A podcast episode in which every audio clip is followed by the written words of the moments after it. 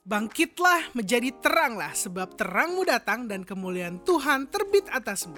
Sebab sesungguhnya kegelapan menutupi bumi dan kekelaman menutupi bangsa-bangsa. Tetapi terang Tuhan terbit atasmu dan kemuliaannya menjadi nyata atasmu. Royal Life Podcast. Hey hey hey Royal listeners, apa kabar semuanya? Hope everyone is in good health. Nama gue Ardita dan acara ini adalah Royal Life Podcast. Di season pertama ini kita akan ngobrol-ngobrol bareng dengan Coach Rian. Minggu lalu kita sudah berkenalan dengan founder dari Solid Rock Basketball ini. Dan juga kita sudah mendengar bagaimana awal mulai kecintaan dia sama dunia basket. Di episode kali ini, kita akan mendengarkan bagaimana dia mulai terjun ke dunia pelayanan. Yuk kita lanjut coach. Ya, nah setelah uh, lulus SMA, ya waktu itu memang secara uh, pribadi udah nggak bicara basket lagi nih.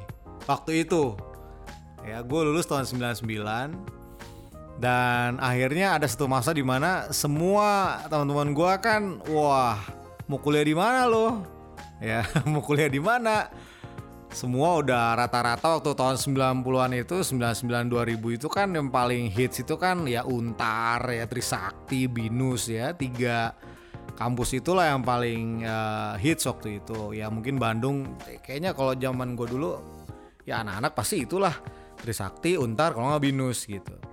Tapi di situ ya secara gue secara ya ini sekalian uh, share bahwa waktu itu gue udah dibilang sama orang tua gue bahwa kami nggak bisa biayai kuliah.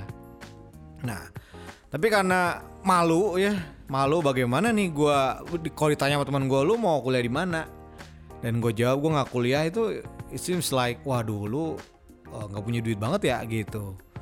Nah sampai akhirnya di situ ada satu momen di depan kelas gue tuh gue megang uh, apa namanya kayak uh, apa tuh uh, ya selebaran lah selebaran dari kampus-kampus yang ya gitulah nggak tahu dari mana gue dapetnya gue lupa. Ya gue cuma megang itu tanpa ya cuman ini aja apa uh, sebagai ya biar nggak uh, kalau ditanya teman-teman gue tuh gue oh lu mau ke sini lu mau situ gitu kan. Ya cuman ya ini aja lah uh, ngomong ngasal aja gitu. Dan di situ gue duduk depan kelas gue ya gue bilang gitu. Gue berdoa sama sama Tuhan tuh gue mau ke mana? gitu. Dan tiba-tiba entah kenapa di hati gue tuh ada ada yang gue percaya bahwa itu Roh Kudus yang bilang gitu layani aku seumur hidupmu. Nah di situ gue udah langsung yaudah gue buang tuh selebaran gue balik ke rumah.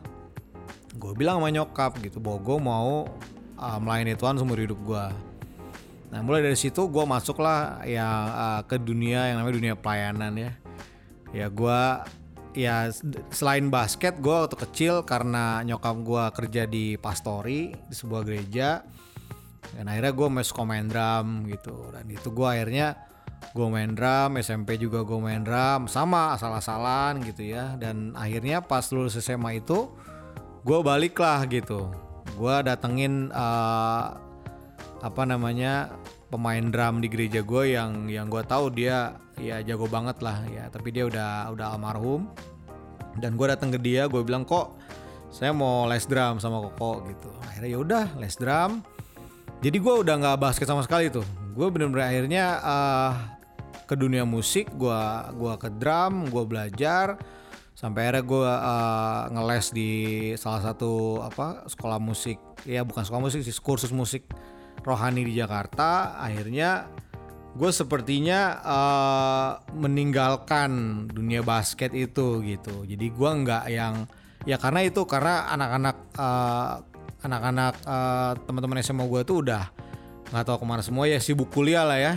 Dan gue nggak mungkin dong apa namanya ya mereka masih main basket gitu kan ya mereka udah sibuk kuliah jadi gue nggak punya temen untuk main basket lagi gitu. Dan akhirnya ya di situ udah aja gitu kayak uh, apa namanya gegap gempita basket zaman SMA tuh udah langsung menguap begitu aja gitu. Dan sampai akhirnya singkat cerita uh, ya gue ada di gereja di mana ya kami uh, punya hati untuk menjangkau anak-anak anak-anak muda ya anak-anak dari sekolah-sekolah gitu. Dan satu titik uh, kita menggunakan segala cara kan untuk menjangkau anak-anak muda ini ya kan? Mau youth camp mau bikin acara oh bikin ibadah di sekolah untuk penerimaan siswa baru gitu. Ya dan segala macem lah gitu. Dan di situ uh, gue tiba-tiba tuh dalam satu apa ya disebutnya ya bahasanya ya mungkin kayak kegelisahan ya.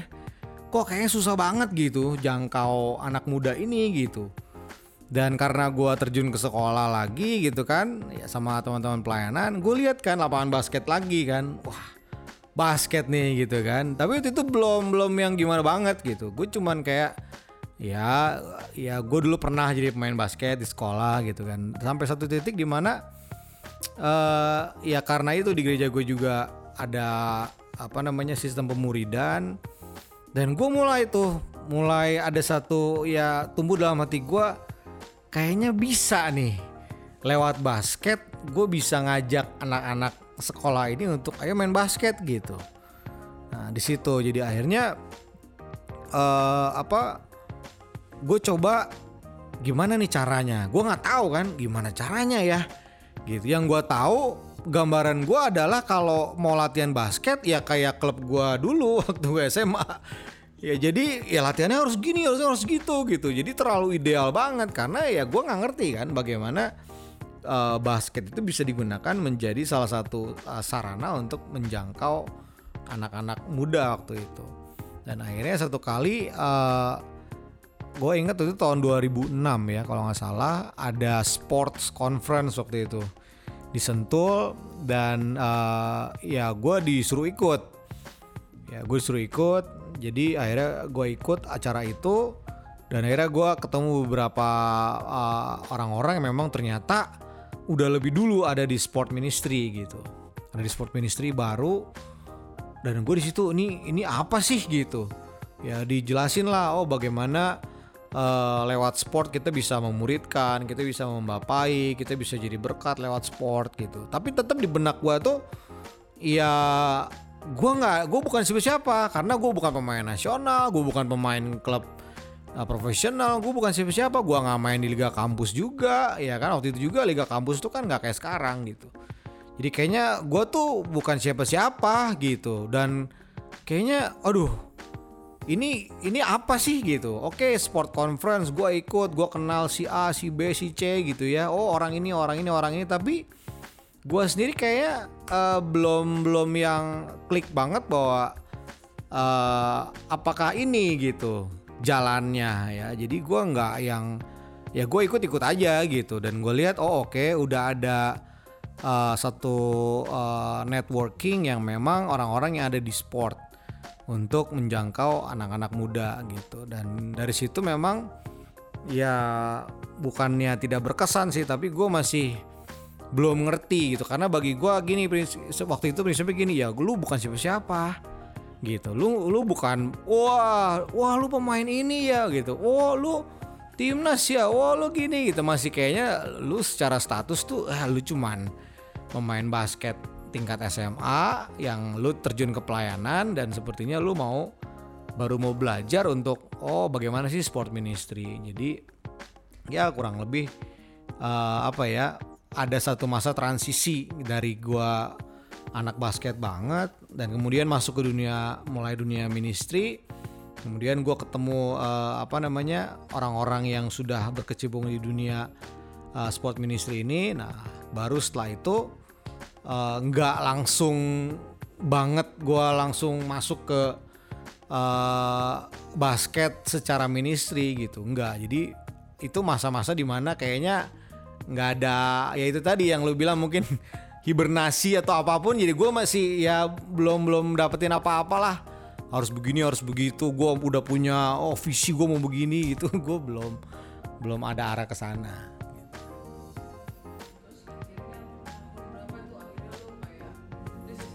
Oke, okay. nah sampai pada satu uh, uh, kejadian waktu itu gua kan udah statusnya waktu itu gua pelayan di gereja, pemain musik, pemain drum waktu itu. Jadi gua benar-benar akhirnya gua kerja di sekolah musik ya, gua benar-benar jadi drummer lah gitu. Jadi dunia musik. Nah, sampai satu titik di mana anak dari pendeta gue ini dia anak basket. Nah, karena dia anak basket, habis ibadah kita ngobrol lah kan di depan gereja. Oh lu basket lu? Iya kak. Lu sekolah di mana? Sekolah di sini. Gimana basket? Siapa yang ngelatih? Gitu. Dan dia selalu uh, cerita bahwa kalah, kalah, kalah gitu. Selalu kalah terus gitu. Dan entah kenapa, uh, ya gue cuman bagiin. Ya gue dulu latihannya gini gue latihannya gini lu latihan gini nggak? Lu latihan gitu nggak? Lu tim lu latihannya begini nggak? Gitu. Gue hanya ngasih masukan dulu gue waktu SMA gue dilatih begini. Gitu. Jadwalnya begini latihan fisiknya begini. Nah si anak ini merasa bahwa wah oh gitu ya kak. Gitu. Yaudah deh ntar gue coba uh, ngomong ke anak-anak gitu. Kemudian dia katanya turnamen apa gitu kan. Wah, akhirnya datang lagi tuh ibadah lagi beres gua ngobrol lagi dong. Gimana? Wah ngeluh lah soal pelatihnya. Gimana pelatihnya tuh? Ya dari banyak hal sangat uh, bener-bener di luar ekspektasi mereka gitu. Nggak bisa ngangkat tim nggak bisa ngelatih nggak bisa ngasih contoh. Plus juga ya apa ujung-ujungnya duit terus gitu. Duit setiap latihan duit. Akhirnya di situ uh, karena gua ngasih masukannya udah mulai intens nih gue bilang ya harusnya begini harusnya begitu gini gitu. Nah si anak ini akhirnya bilang kak gimana kalau lu aja yang latih sekolah gue gitu. Dan gue bilang waduh ya ngomonglah sana ke guru lu gitu kan. Ya kalau emang lu mau ya harus ke guru lu dong. Jangan sekonyong-konyong gue datang sekolah lu. Tiba-tiba gue langsung latih gitu. Lagian gue kan nggak yang punya basic sebagai pelatih yang gimana banget juga gitu. Gue hanya menceritakan dulu gue main di tim yang begini. Ya ya siapa tahu gue bisa praktekin di sekolah lu. Dan akhirnya dia bilang oke okay, kak atau gue ngomong deh ke anak-anak gitu. Dan singkat cerita akhirnya mereka bersepakat untuk mengganti pelatih di sekolah itu. Gitu dan masukin gue Uh, jadi kayak apa ya kayak dong kudeta tim basket mereka dan akhirnya kak oke okay ya lu datang aja hari ini jam segini lapangan di sekolah gini gini gini udah beres semua. Ya gue kan datang kan begitu datang gue lihat nih wah sekolah negeri kan gue lihat anak-anaknya oke okay, gitu kan ya udah. Gue udah gue pikir bahwa ya udah diurus lah semua sama guru-gurunya gitu ya akhirnya gue mulai ngelatih mulai ngelatih. Nah di situlah Uh, eh, gue lihat sih karena gue udah masuk di dunia pelayanan, gue udah mulai juga belajar mengenai pemuridan, bagaimana uh, apa namanya dan karena di sport conference itulah gue jadi belajar oh bisa uh, lewat olahraga yang lu latih atau olahraga yang lu uh, mainkan, lu bisa share value ya value-value firman Tuhan lewat basket atau lewat sepak bola atau lewat apa pun sesuai cabang olahraga lu. Jadi akhirnya gue sedikit banyak mempraktekkan ke anak-anak ini. Anak-anak dari sekolah negeri ini gitu. Gue praktekkan lah gue kasih drill yang benar gue uh, abis latihan gue share uh, mengenai bagaimana sebagai sebuah tim harus punya value apa gitu. Dan itu ya awal mula tuh gue masuk sebagai pelatih ya yang satu sekolah dan uh, apa namanya gue belajar untuk oke okay, gue praktekin deh mulai dari situ. Itu tahun 2013 2013 gua latih sekolah itu dan akhirnya terus dari situ uh, ternyata anak-anak ini kan satu pihak aja gitu ya singkat cerita. Uh, kembali ke pelatih semula akhirnya ya gua udah dong gitu. Gua udah nggak ngelatih mereka lagi ya. Kemudian tiba-tiba uh, ada temen gua tiba-tiba ngontak gitu temen SMA gue tuh dia bilang Yan uh, lu bisa nggak bantu gue ngelatih di sekolah A? Gitu. Nah ini sekolah Kristen nih. Wah gue bilang sama istri oke okay lah gitu. Gue coba gitu. Ya di situ gue mulai sekolah kedua yang gue pegang sekolah Kristen. Nah di situ gue uh, ya lebih apa ya lebih bener-bener mempraktekkan apa yang firman Tuhan katakan di bener-bener gue aplikasikan di basket gitu. Mulai dari situ tuh. Ya mulai gue aplikasiin bener-bener. Dan itu bener-bener akhirnya uh, uh, sangat bermanfaat sih. Bener-bener itu akhirnya jadi gue bisa touch langsung ke anak-anak. Bahkan anak-anak non basket yang mereka misalnya anak futsal gitu ya mereka bisa juga akhirnya jadi jadi apa uh, berteman sama gue anak-anak bandelnya juga pada akhirnya oh coach oh ke rumah dong mau main segala macem nah itu mulai tuh gue udah mulai lihat bahwa bagaimana basket ini bisa digunakan menjadi sebuah uh, platform untuk kita uh, memuridkan anak-anak muda. Nah di situlah awalnya.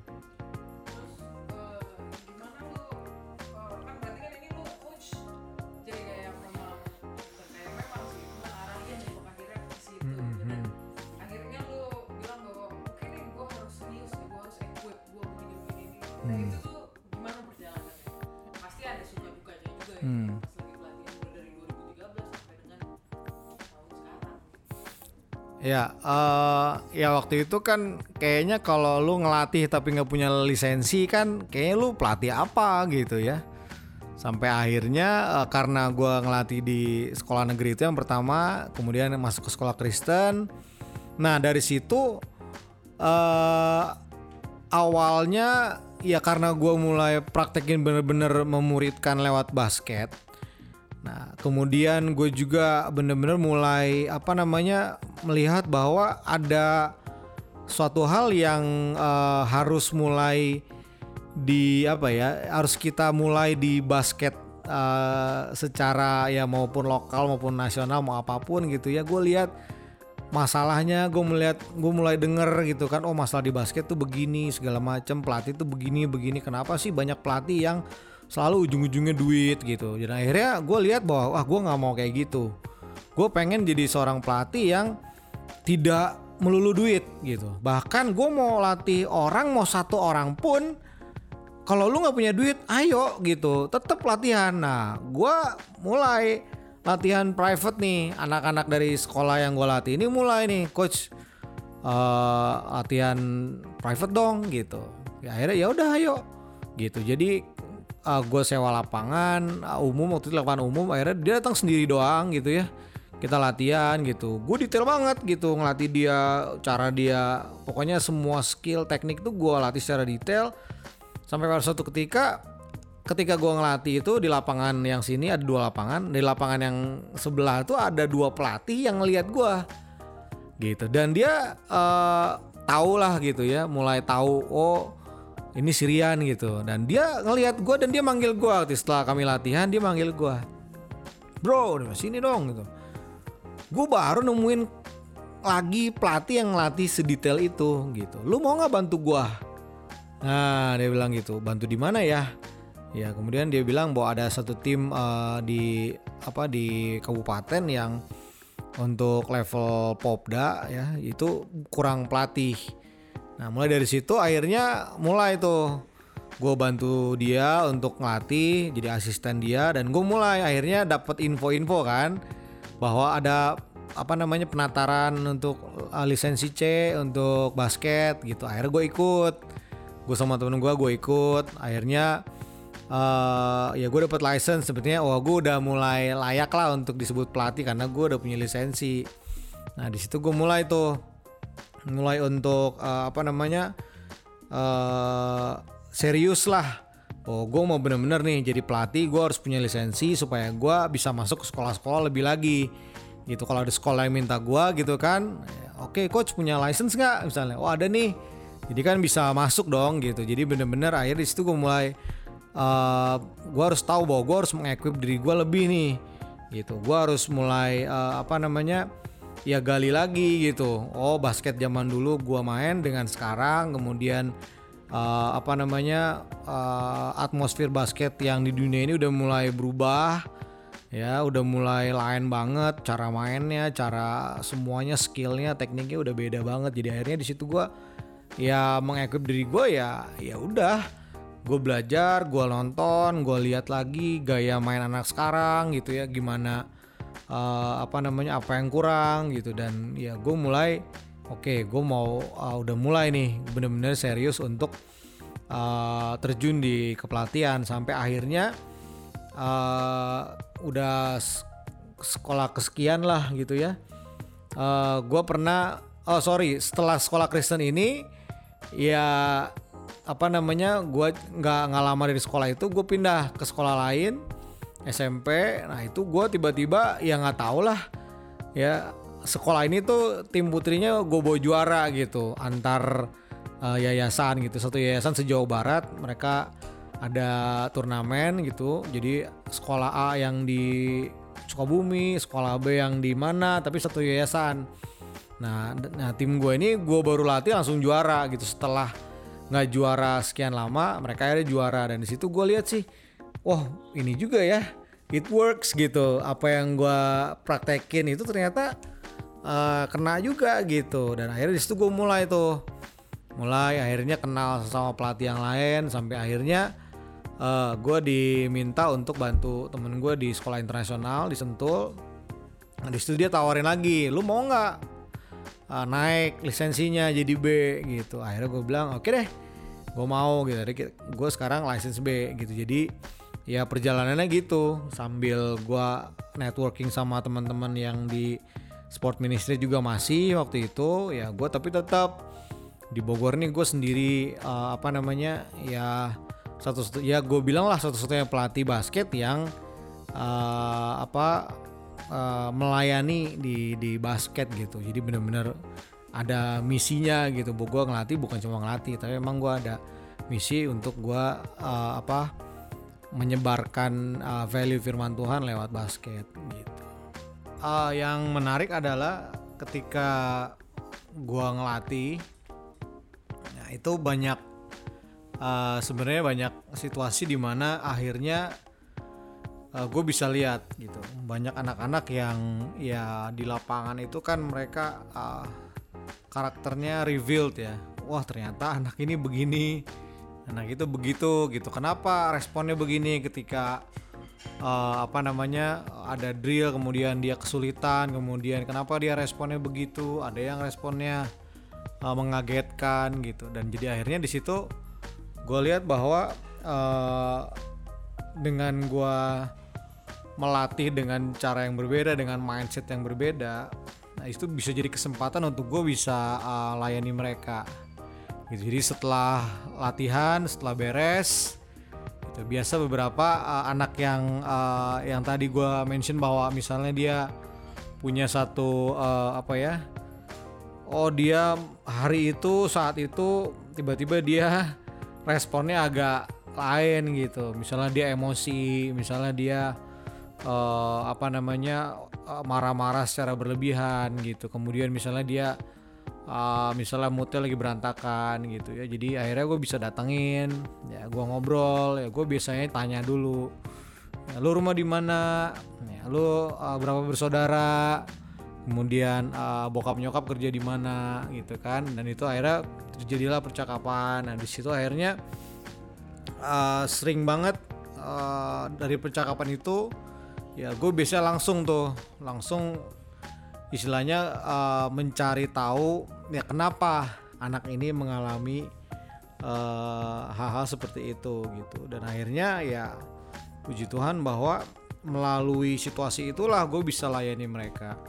Gue bisa akhirnya oh berarti ini dia punya hubungan yang gak baik dengan bapaknya. Dia keluarganya dari uh, sorry keluarganya mengalami kondisi yang kurang baik ya ada yang uh, misalnya papa mamanya cerai atau misalnya uh, pisah nggak jelas atau misalnya dia anak yang apa namanya uh, anak dari misalnya dia memang yatim piatu gitu. Ya gue sering banget nemuin ternyata wah anak ini hidupnya kasihan juga ya berat juga gitu. Dan ya tekanan uh, di rumah itu begitu besar sehingga ya uh, apa namanya ya ya kita bisa bayangin lah di rumah dia nggak menemukan suasana yang baik ke sekolah di kelas dia dibully atau bercandaan-bercandaan yang mungkin nggak uh, directly ngebully dia sih. Mungkin cuma celotehan-celotehan tapi kan karena dari rumah udah sangat sensitif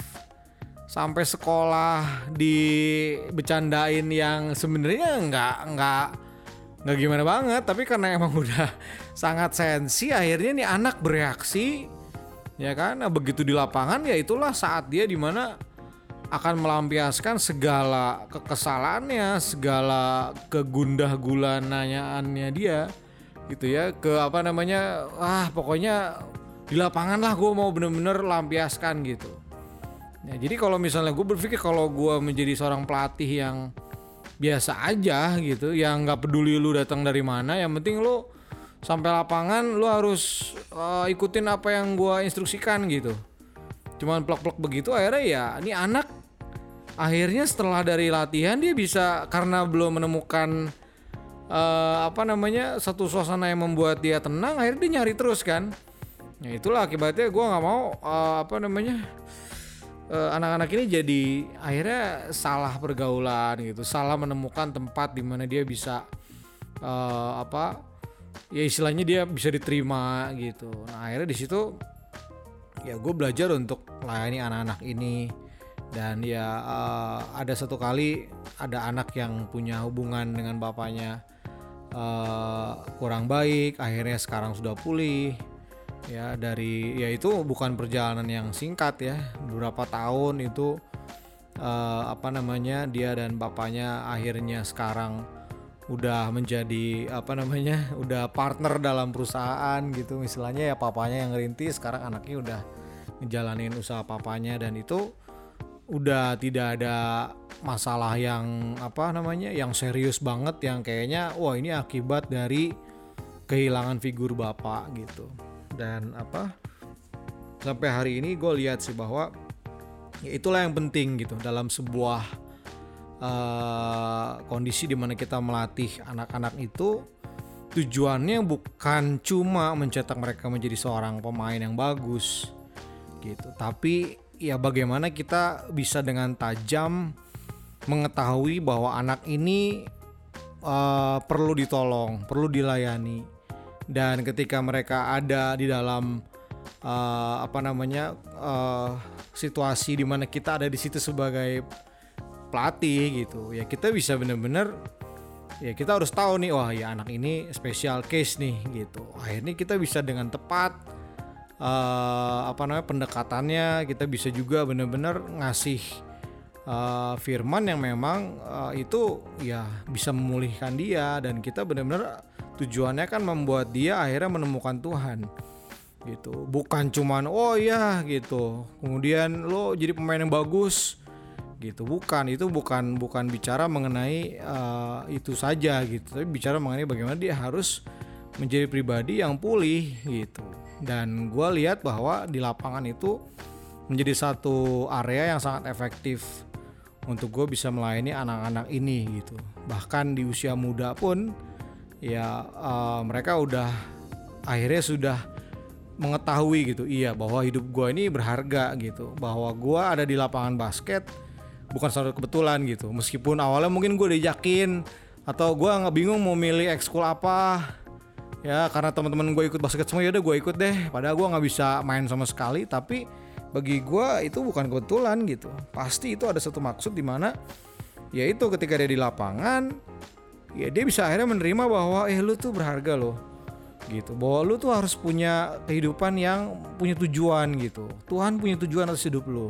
Bukan cuma jadi pemain basket gitu. Tapi menjadi pribadi yang hidupnya sesuai dengan apa yang Tuhan mau gitu. Jadi itu yang paling penting sih. Jadi uh, itulah gue sangat bersyukur bahwa uh, Tuhan bawa gue sampai ke satu titik di mana ya lapangan basket itu menjadi ya ladang pelayanan gitu. Bener-bener ya di situlah gue bisa tahu ya dan uh, apa namanya bagaimana menghadapi anak-anak dan juga orang tuanya gitu. Akhirnya bisa beberapa uh, tahu gitu oh iya ya pelatih lu uh, ya tanya aja tuh sama pelatih lu misalnya mengenai hal-hal yang ini butuh nasihat nih butuh masukan gitu kan. Ya bisa begitu tuh bisa. Akhirnya uh, coba tanya si Coach deh gitu menurut dia gimana gitu. Padahal sebenarnya itu ya bukan urusan gue juga sih tapi ya orang tua kadang-kadang akhirnya uh, coba minta pendapat dari dia gitu untuk peneguhan gitu. Jadi ya itu yang membuat gue selalu excited bahwa ya kita jadi pelatih itu ya harus bener-bener bukan cuman gue melatih profesi gue gitu. Terus apalagi kita aduh ya apa ya kita punya agenda lain gitu ya wah menurut gue sih ya kita nggak ada bedanya gitu. Akhirnya ya udah akhirnya jadi anak-anak itu cuman ya cuma akhirnya cuman tahu eh, oh ya gue pernah dilatih sama dia ya nggak ada kesan apa-apa. Jadi pemain basket enggak gitu kan? Ya jadi apa juga enggak jadi kayak nggak ada nggak ada hal yang membuat dia jadi eh, hidupnya tuh ya gue mau mau jadi orang yang yang diarahkan untuk gue menjadi pribadi yang lebih baik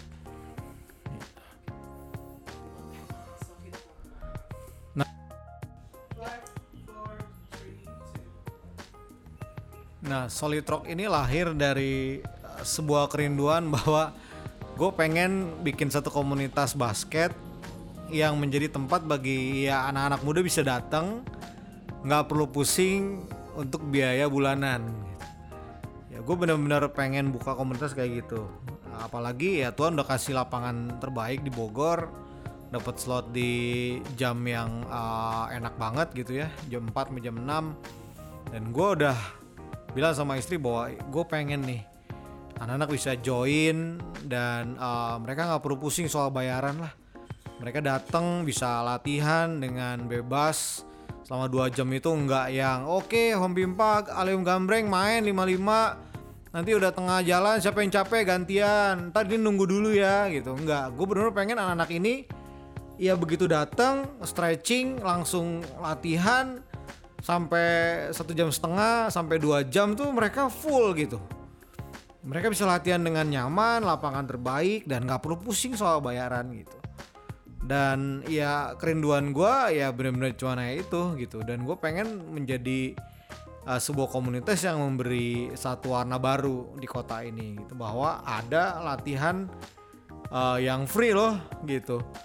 Di mana latihannya? Ya, di gor ini gitu kan. Wah itu lapangannya oke tuh. Bayarnya berapa? Nggak nggak usah bayar. Hah? Serius lo nggak bayar? Iya gitu. Ya, terus kan dia nanya gitu ah itu gor siapa yang bayar? Ya Tuhan yang bayar gitu.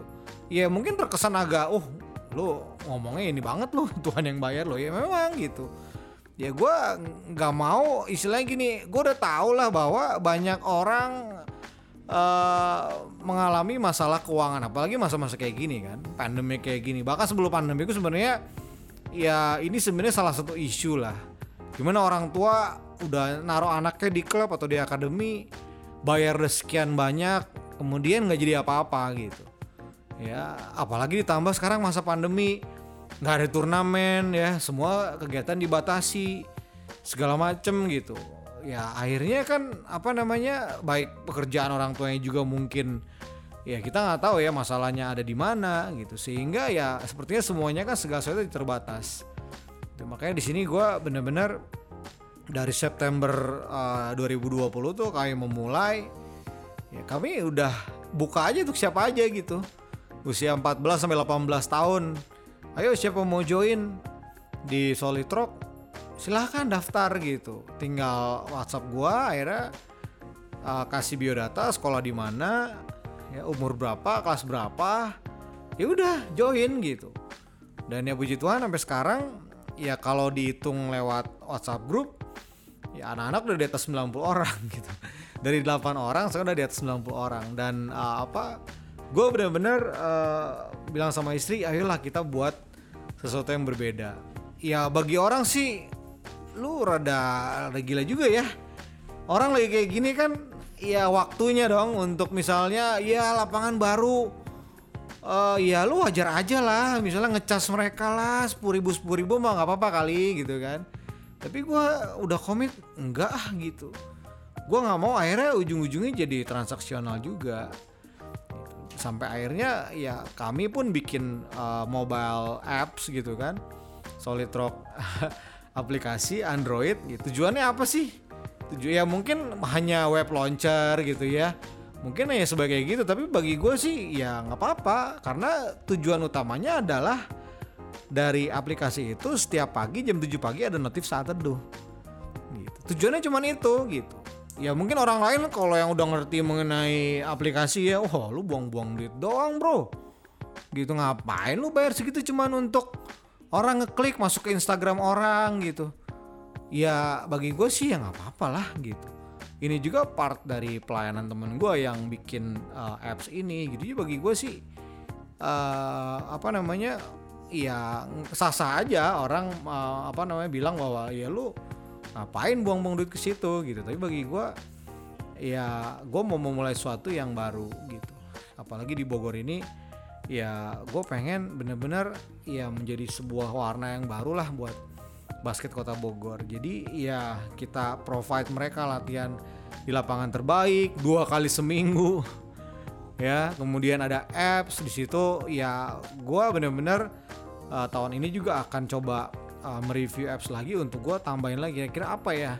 Value apa lagi yang mau gue taruh di apps ini supaya ketika orang download ketika orang dibangunin jam 7 pagi ting notif saat teduh apalagi gitu value yang mereka bisa dapat gitu. Karena gue pikir ya message itu harus terus disampaikan.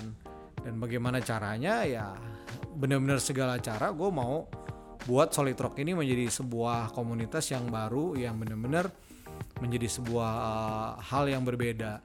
Ya dalam ketika latihan juga ya gue udah komit gitu bahwa ya karena fasilitas lapangan ini sangat baik gitu ya ada apa sound system segala macem ya udah. Gue udah komit tuh. Ya udah pas mereka latihan gue puter lagu-lagu Christian kontemporer gitu. Ya yang bener-bener membuat mereka jadi akhirnya suasana tuh kebangun. Ya ada sih godaan untuk kenapa sih lu nggak puter aja lagu-lagu yang ya orang orang yang anak-anak itu tau lah.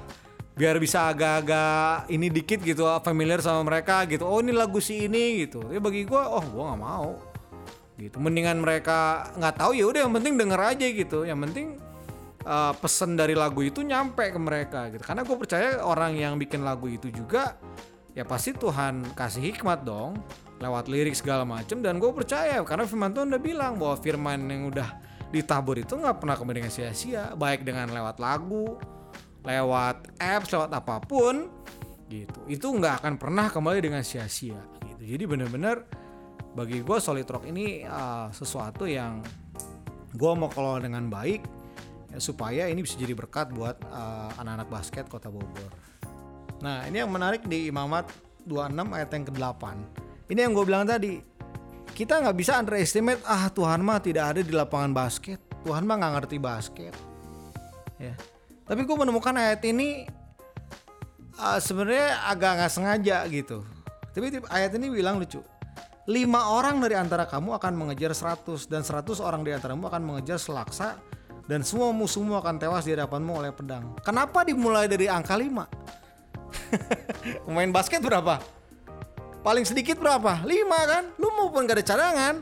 Tapi kalau lima orang ini punya hati yang sama, punya komitmen yang sama, ya punya satu eh, mindset yang sama, ya benar-benar pemain yang mengerti bagaimana Tuhan eh, bukan satu kebetulan menjadikan dia pemain basket di satu tim ini, lima pun bisa mengalahkan 100 gitu. Jadi kadang-kadang, aduh, yang datang cuma lima orang coach. Oh ya udahlah, nggak usah ada latihan hari ini gitu. Tunggu 20 gitu. Kadang-kadang itu kan sering terjadi gitu. Karena apa? Ya patungannya kurang nanti. Lima orang lo bayar lapangan berapa?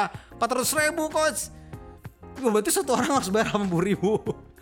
Mana ada uang gitu pemain datang, wah ini mah yaudah dah bubarin nggak usah nggak usah latihan nanti aja gitu. Ya makanya gue nggak mau kayak gitu gitu. Itu kan salah satunya yang ya kembali ke yang awal tadi mendasari bahwa gue solid rock ini gue nggak mau anak-anak bayar karena apa? Gue nggak mau jadi akhirnya mau latihan nih.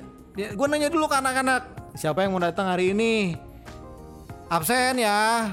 Yang datang hari Senin satu dua tiga dilihat. Nanti gue bisa hitung tuh. Oke sekian orang harga lapangan segini. Ya oke berarti kita patungan segini segini.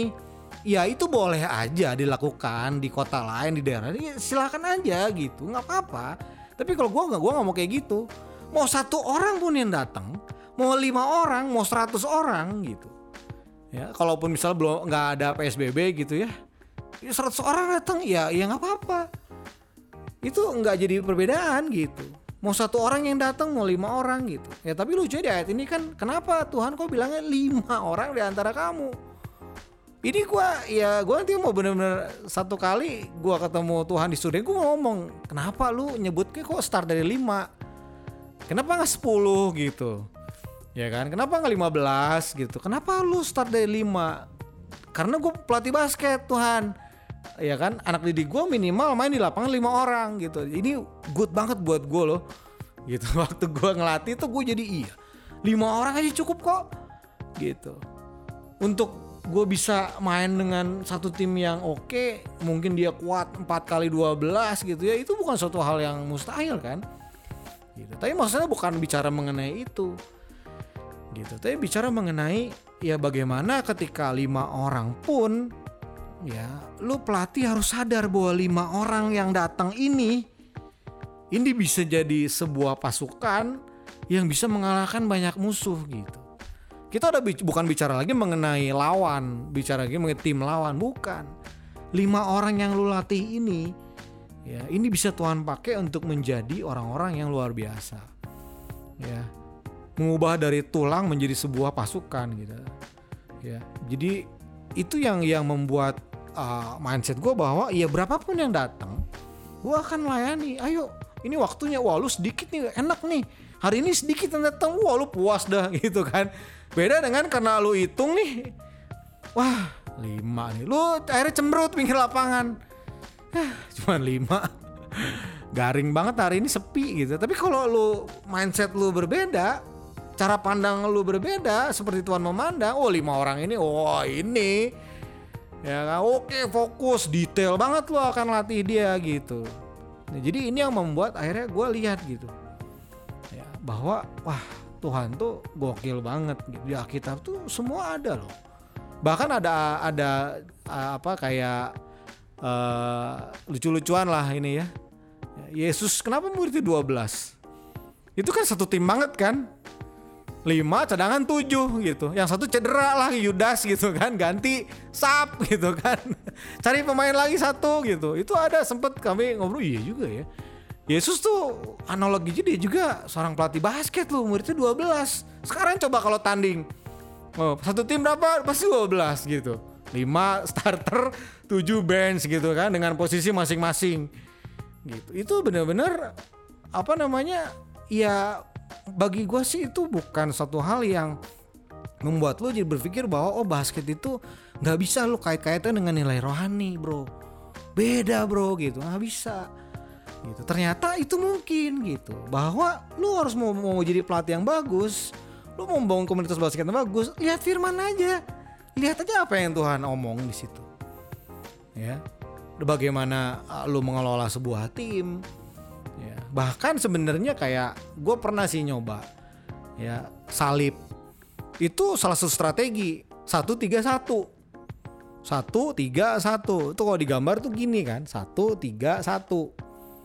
Nah itu kalau misalnya lu praktekin dengan baik ya ke mana pun lawan passing pasti dia masuk kotak gitu Ya tapi kadang-kadang kalau pelatih kan ya dengan ego masing-masing kan, oh kalau gue sih nggak pernah pakai satu tiga satu bro, weh, gue mau oh, lebih canggih gitu, gue mau pakainya gini gini gini, ya nggak apa-apa, silakan aja, ya.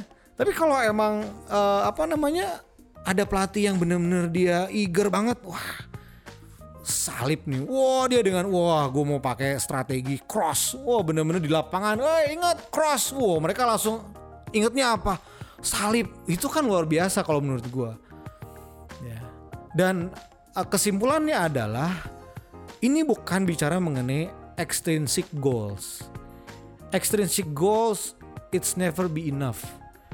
Apa itu extrinsic goals? Menang, trofi, medali, juara. Mau sampai kapan pun nggak akan pernah cukup. Gitu. Yang harus kita kejar bukan extrinsic goals. Solid Rock ada bukan untuk mengejar semata-mata extrinsic goals gitu. Ya, jadi Solid Rock ada untuk benar-benar mengejar yang namanya intrinsic goal. Jadi bagaimana pemain anak-anak didik itu goalnya itu benar-benar mereka harus memenai yang di dalam gitu. Kalau mereka hanya dibakar dengan extrinsic goals, maka yang terjadi adalah mereka bisa frustasi. Karena nggak semua orang dilahirkan jadi pemain basket. Tapi Tuhan bisa pakai basket untuk memulihkan mereka, bisa gitu. Sama dengan halnya domain yang lain, musik apa, semua bisa Tuhan pakai untuk ya tujuannya dinyatakan gitu. Nah, sama basket juga harusnya gitu. Jangan pelatih menggembar-gemborkan extrinsic goal gitu. Oh kalau kalah wah, nah udah kayak gitu. Ya memang itu kayaknya gila sih karena kayak misalnya uh, komunitas gua friendly game lawan orang lawan tim lain gitu. Kalahnya dibantai. Anak-anak down kan? Ya gua harus sampaikan kan? Ini bukan soal menang atau kalah. Oh itu sangat-sangat uh, membutuhkan waktu yang sangat uh, tidak sebentar tuh. Untuk benar-benar punya mindset bahwa jangan ngejar extrinsic goal it's not about statistik terus gitu. Oh statistik statistik. Boleh. Silahkan. Lu punya tim official yang jago statistik untuk bisa lu menganalisa sebuah tim akhirnya membuat sebuah target program jangka panjang. Gue cari pemain begini caranya begini pola makannya begini. Oh itu baik gitu. Tapi kalau lu di drive hanya oleh karena extrinsic goal nggak akan pernah cukup. Pencapaian lu tuh akhirnya lu nggak akan pernah puas gitu karena SMP 3 tahun, SMA 3 tahun. Iya kalau ada turnamen. Kalau kayak pandemi gini, lu mau cari statistik di mana? Bener gak? Lu mau cari statistik, oh turnamen nggak ada. Terus gimana cara kita me- menganalisanya? Ya kan? Orang mau keluar aja nggak, oh, bikin turnamen apalagi kerumunan, lu pasti nggak bisa gitu. Ini yang yang harus kita sadari bahwa apa sih yang mau kita kejar gitu di basket ini gitu. dan gue menemukan bahwa ya gue pengen Solid Rock ini bener-bener satu komunitas yang begitu orang ikut situ nggak apa-apa. Wah lu kalau ikut Solid Rock lu akan ketemu Coach Rian dia ngomong akan begini nggak apa-apa. Message gue akan tetap sama. Ikut gue bukan bicara mengenai oh juara wow apa gitu extrinsic goal semua gitu. Oh bukan. Tapi tujuan kami adalah membuat anak didik ini akan menjadi pribadi yang mengerti tujuan Tuhan atas hidup dia. Mau di basket atau mau di luar basket, dia akan tetap menemukan tujuan Tuhan atas hidup dia. Kalau ada orang tua yang sangat serius, coach anak saya benar-benar passionate menjadi pemain basket. Ya udah. Gitu. Tuhan akan eh, kasih mereka dengan orang-orang yang tepat. Gue akan eh, koneksikan mereka dengan sekolah yang tepat, kampus yang tepat gitu, dengan waktu yang tepat dan mereka juga harus sabar. Bahwa ini kondisinya lagi belum kondusif nih. Tapi siapin aja ketika waktu itu datang anak om akan menjadi pemain yang tepat. Kita kan belajar kayak gitu kan, lima gadis bijaksana, lima gadis yang bodoh. Gadis bijaksana mempersiapkan. Gadis bodoh tidak. Ketika pesta diadakan ya gadis bodoh mati kan? Lampunya ya itu kan itulah apa namanya prinsip mempersiapkan diri. Kita nggak tahu kapan gitu. Tapi ketika ada orang tua yang anaknya dan orang tuanya sangat serius dan mereka cinta Tuhan mereka berdoa untuk anaknya supaya anaknya bisa uh, ada di dunia basket ya kita arahkan dengan benar gitu. Dan ya pastikan bahwa Tuhan ada di sana itu Tuhan lah yang mengguide mereka Tuhan lah yang yang ngelit mereka untuk benar-benar mereka menemukan jalannya sesuai dengan apa yang Tuhan mau bukan apa yang pelatih mau. Gitu. Kalau misalnya pelatih mau wah repot ya kan?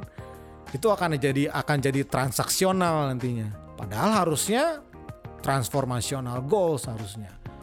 Intrinsic goals dan transformational goals.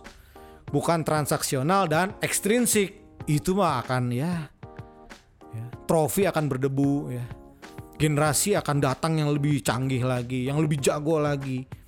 Itu kita nggak bisa banggakan oh dulu gua ya boleh aja share gitu. Kalau emang itu baik untuk lu share supaya anak-anak bisa belajar. Tapi kalau kita uh, menitik beratkan bahwa oh ekstrinsi gol harus diutamakan menang harus bener-bener apa pun caranya gitu ya pride segala macem. Wah itu sih kalau kalau menurut gua ya itu bisa bahaya. Makanya kita nggak akan bisa nggak bisa share uh, mengenai apa yang Tuhan mau untuk mereka.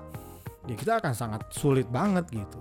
Ya tapi kalau kita fokus ke intrinsic goal wah itu akan jadi sangat powerful. Jadi orang orang tua pun menaruh anaknya di komunitas kita punya satu uh, optimisme gitu. Wah anak gue ikut komunitas lo pasti minimal hidupnya berubah. Pasti minimal nggak doyan main game lagi misalnya. Nggak freak sama game terus coach gitu. Minimal gitu. Ah nggak perlu jadi pemain basket coach. Yang penting dia ada di komunitas yang bener. Kan gitu ngomong. Ya kan? Apalagi gratis lagi. Wah saya nggak pusing deh. Gitu. Yang penting saya antar anak saya senang anak-anaknya bener. Ya yang dibagikan juga sesuai apa yang uh, firman Tuhan katakan. Ya bagi gua itu akan menjadi berkat buat banyak orang sih.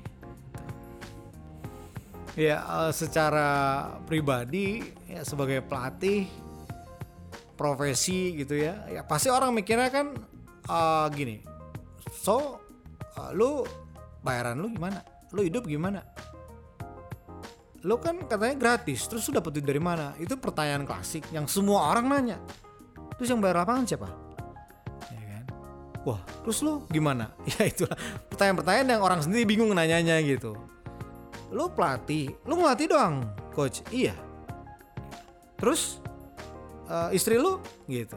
Anak lu? Nah, itu kan pertanyaan-pertanyaan yang lumrah oh coach lah yang lain atau anak didik gue sendiri? Atau teman pelayanan gue siapa pun gitu kan ketika share mengenai ini pasti pertanyaannya itu. Ya. Tapi kembali eh, pentingnya sebuah komunikasi antara uh, gue sama istri dan di atas semua itu kesepakatan. Dan di atas semua itu bagaimana suami istri harus memiliki visi. Ya hidup untuk apa? Ya gua punya visi dari Tuhan begini istri gue punya visi dari Tuhan begini. Kita dari dua menjadi satu. Gitu. Kita membangun sebuah keluarga kita menikah kita udah mengerti gitu. Bahwa kita nih akan melayani banyak orang. Spesifik lagi melayani banyak orang muda. Gitu. meskipun istri gue sekarang kerja di dunia uh, tekstil misalnya dia akan tet- dia tetap gitu. Di hatinya tetap orang muda gitu. Iya mau dia ke mana pun mau dia udah urusannya sama dunia tekstil. Tapi menjadi sebuah kesukaan ketika kami membicarakan mengenai anak muda nah jadi ketika gua eh, masuk ke dalam panggilan menjadi seorang pelatih ini ya ya itu kan bener-bener harus kesepakatan. Ya ya gue secara personal ya kalau bicara mengenai financial gitu itu ya kembali gue bilang ketika Tuhan suruh ya ketika tu- Tuhan bilang tebarkan jalannya gitu padahal murid bilang apa? Kita udah seharian Tuhan gitu. Nggak ada. Tuhan lu nggak pernah jadi nelayan udah diem dah gitu. Kami ini udah nelayan seumur hidup. Lu nyuruh kami untuk ngebarin jala gitu. Tapi apa? Petrus bilang tapi karena lu yang nyuruh iya dah. Begitu tebar ya kan? Mereka narik jala sampai hampir robek gitu. Nah maksud gue adalah ketika Tuhan udah panggil itu akan berbeda gitu. dan sampai hari ini gue bisa share lagi lebih panjang lagi bagaimana Tuhan ketika memanggil gue jadi seorang pelatih ya. Itu bukan karena sembarangan aja gitu. Kemudian jadi akhirnya rumah tangga gue jadi kacau gitu. Ya apalagi ya uh, banyak orang ya lelaki atau suami mencari nafkah istri mengurus rumah tangga itu kan ya apa namanya value yang beredar di dunia luas kan begitu gitu. Tapi dengan gua sama keluarga gua begini gue lihat kok bahwa ya nggak gitu juga sih gitu. Ketika Tuhan panggil gua secara spesifik di pelatih di, di menjadi seorang pelatih basket yang melatih bener-bener melayani tidak money oriented gitu. Tapi malah Tuhan buktikan gitu. Eh gue udah manggil lu so lu tenang aja gitu. Ya kalau gue share lagi wah itu itu akan menjadi sesi yang lebih panjang lagi. Gimana Tuhan mengadakan pembedaan dalam pekerjaan istri gue gitu. Di saat pandemi dia justru malah melesat tajam gitu. Di saat pandemi juga dengan kondisi kayak gini Tuhan bisa provide ya semua hal yang kami butuhkan gitu. Dan itu menjadi sebuah bukan apa ya bukan bicara bukan kepuasan tersendiri bukan sih ya karena memang kita hidup buat Kristus kan gitu. Jadi udah bukan lagi menjadi isu yang akhirnya jadi konflik rumah tangga gitu. Ya lu mah ngelatih doang enak gitu. Latihan sore lagi pagi sampai siang lu diem di rumah gitu. Gitu enggak gitu. Jadi udah bukan lagi isu atau jadi bahan konflik sehari-hari udah enggak gitu. Justru malah kami bersama-sama mengerjakan ini gitu. Itulah pentingnya melibatkan istri. Jangan berpikir bahwa ah lu mengerti lu ngerti apa sih soal basket? Lu diem aja deh gitu. Ya. jadi gua gua nggak mau kayak gitu. Gue sama istri sama anak gue bener-bener ya kami lihat gitu bahwa perjalanan gue secara pribadi dalam melatih ini ya justru ya ini bukan soal basketnya sebenarnya. Ya ini soal bagaimana lu hidup menjadi dampak bagi banyak orang gitu bagaimana lu hidup bukan untuk diri lu sendiri gitu Yes, setuju. Bener banget coach. Hidup kita ini harus berdampak buat banyak orang. Karena kita diciptakan oleh Tuhan bukan untuk diri kita sendiri. Yesaya 60 jelas mengatakan bahwa kita harus bangkit dan menjadi terang. Sebab terang Tuhan terbit atas kita. Thank you ya Coach Rian udah sharing bagaimana Tuhan nuntun dan develop Coach Rian dari kecil hingga menjadi orang yang mendevelop orang lain dalam bidang basket. So, Royal Listeners, nantikan episode selanjutnya di season 1 Royal Life podcast ini. Masih bareng Coach Rian dan jangan lupa follow IG kita di at Royal M Station. Gua Erdita Sianipar, pamit undur diri. See you soon!